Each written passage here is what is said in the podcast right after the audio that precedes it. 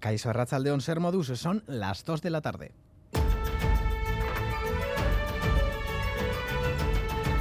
Crónica de Euskadi con Lier Puente. Lamentablemente es un goteo durante las fiestas de verano. La Ertzaintza ha detenido esta madrugada a un hombre de 49 años por un presunto delito de agresión sexual a una mujer durante la celebración de las fiestas de la Blanca en Gasteiz. Según los testigos, el varón se encontraba tumbado en el suelo sobre la mujer a la que estaba sometiendo a tocamientos en contra de su voluntad. La concejala de Igualdad de Gasteiz, Ana López Teuralde, ha censurado lo ocurrido en declaraciones a Radio Vitoria. Lo que no podemos es permitir tolerancia cero. Eh, las, eh, las, personas tienen que vivir, que vivir libremente con sus convicciones, con, con, quien quieran y como quieran. Y tolerancia cero. Y si tenemos que implementar más acciones, seguiremos haciéndolo. Tenemos un programa anual que en las fiestas de Vitoria se refuerza.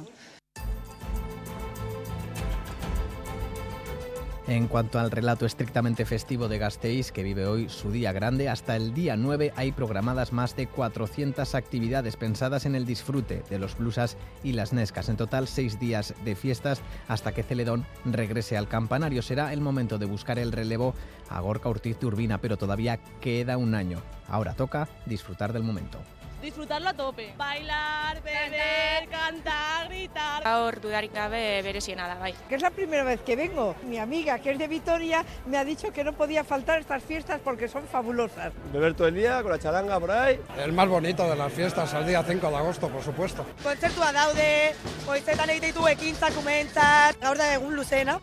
Y este está siendo un verano complicado en el Mediterráneo con los incendios. El fuego, que se declaró a media tarde de ayer en Girona, sigue sin control tras quemar 435 hectáreas. Ha dejado sin luz ni agua a los vecinos de Portbou y parte de ellos están incomunicados sin teléfono ni internet. Unas 200 personas han pasado la noche en polideportivos y centros cívicos. Los bomberos priorizan el flanco derecho del incendio para intentar que llegue al mar. Laia Cañigueral, delegada territorial del Govern de la Generalitat en Girona. Hem hagut de fer evacuacions d'algunes zones concretes, de Portbou i de Colera, i sobretot també tenim eh, força població eh, confinada. A nivell de confinament tenim Colera i Portbou en aquests moments estan confinats, també la urbanització La Rovellada i la zona del càmping de Sant Miquel. Por otro lado, el Partido Comunista y varios colectivos por la memoria democrática han conmemorado este sábado en el actual legado de las 13 rosas y los 43 claveles, 56 luchadores antifascistas fusilados en el cementerio del este de Madrid el 5 de agosto de 1939, una vez terminada la Guerra Civil, por su militancia en las Juventudes Socialistas Unificadas. Álvaro Aguilera, Partido Comunista porque simbolizan lo mejor de nuestro país en la lucha por la, democracia en el momento del franquismo y también lo peor de nuestro país en la represión franquista a las luchadoras y a los luchadores por la libertad y por un mundo más justo. Es un ejercicio de decencia democrática, es un ejercicio de insurrección civil y de ternura. Vamos con los deportes, pero destacamos antes una noticia que traspasa el ámbito estrictamente deportivo. El jugador internacional de baloncesto Ricky Rubio ha anunciado su decisión de parar su actividad profesional para cuidar su salud mental. Ha pedido que se respete su privacidad para poder afrontar este momento. Son muchos los deportistas que han tenido que interrumpir su carrera profesional por problemas de ansiedad o depresión. Es el caso de Simona Biles o de Michael Phelps.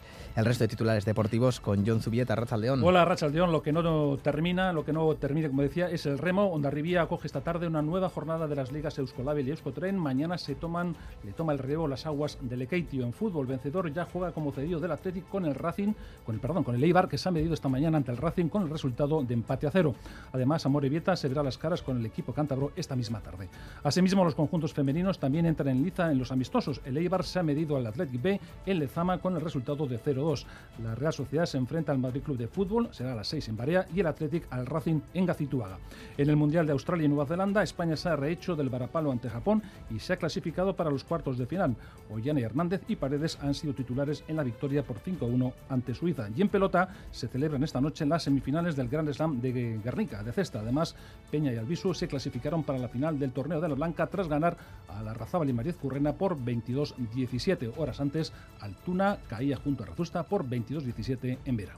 Es que ricasco, John. Hoy el tiempo está siendo más claro y templado que ayer. Conozcamos la previsión meteorológica de Euskalmet con Jonander Arrillaga, León. Caixo León, hasta la tarde va a seguir luciendo el sol en todo el territorio con unas temperaturas máximas que rondarán los 25 grados en gran parte. Eso sí, a partir del mediodía el viento del noroeste va a ir intensificándose y a media tarde irá aumentando la nubosidad, empezando por la costa y hacia el anochecer también se irá cubriendo en el interior. De cara a la noche y próxima madrugada, esta nubosidad nos dejará algo de lluvia, especialmente en la vertiente cantábrica, aunque va a ser débil y ocasional. De cara a mañana domingo, las nubes nos seguirán acompañando, sobre todo durante la primera mitad del día y en la mitad norte, donde todavía podrían dejar algo de sirimiri, pero de cara a la tarde tenderá a ir levantando con unas temperaturas máximas que bajarán un par de grados mañana domingo. En carreteras normalidad para circular, según informa el Departamento de Seguridad.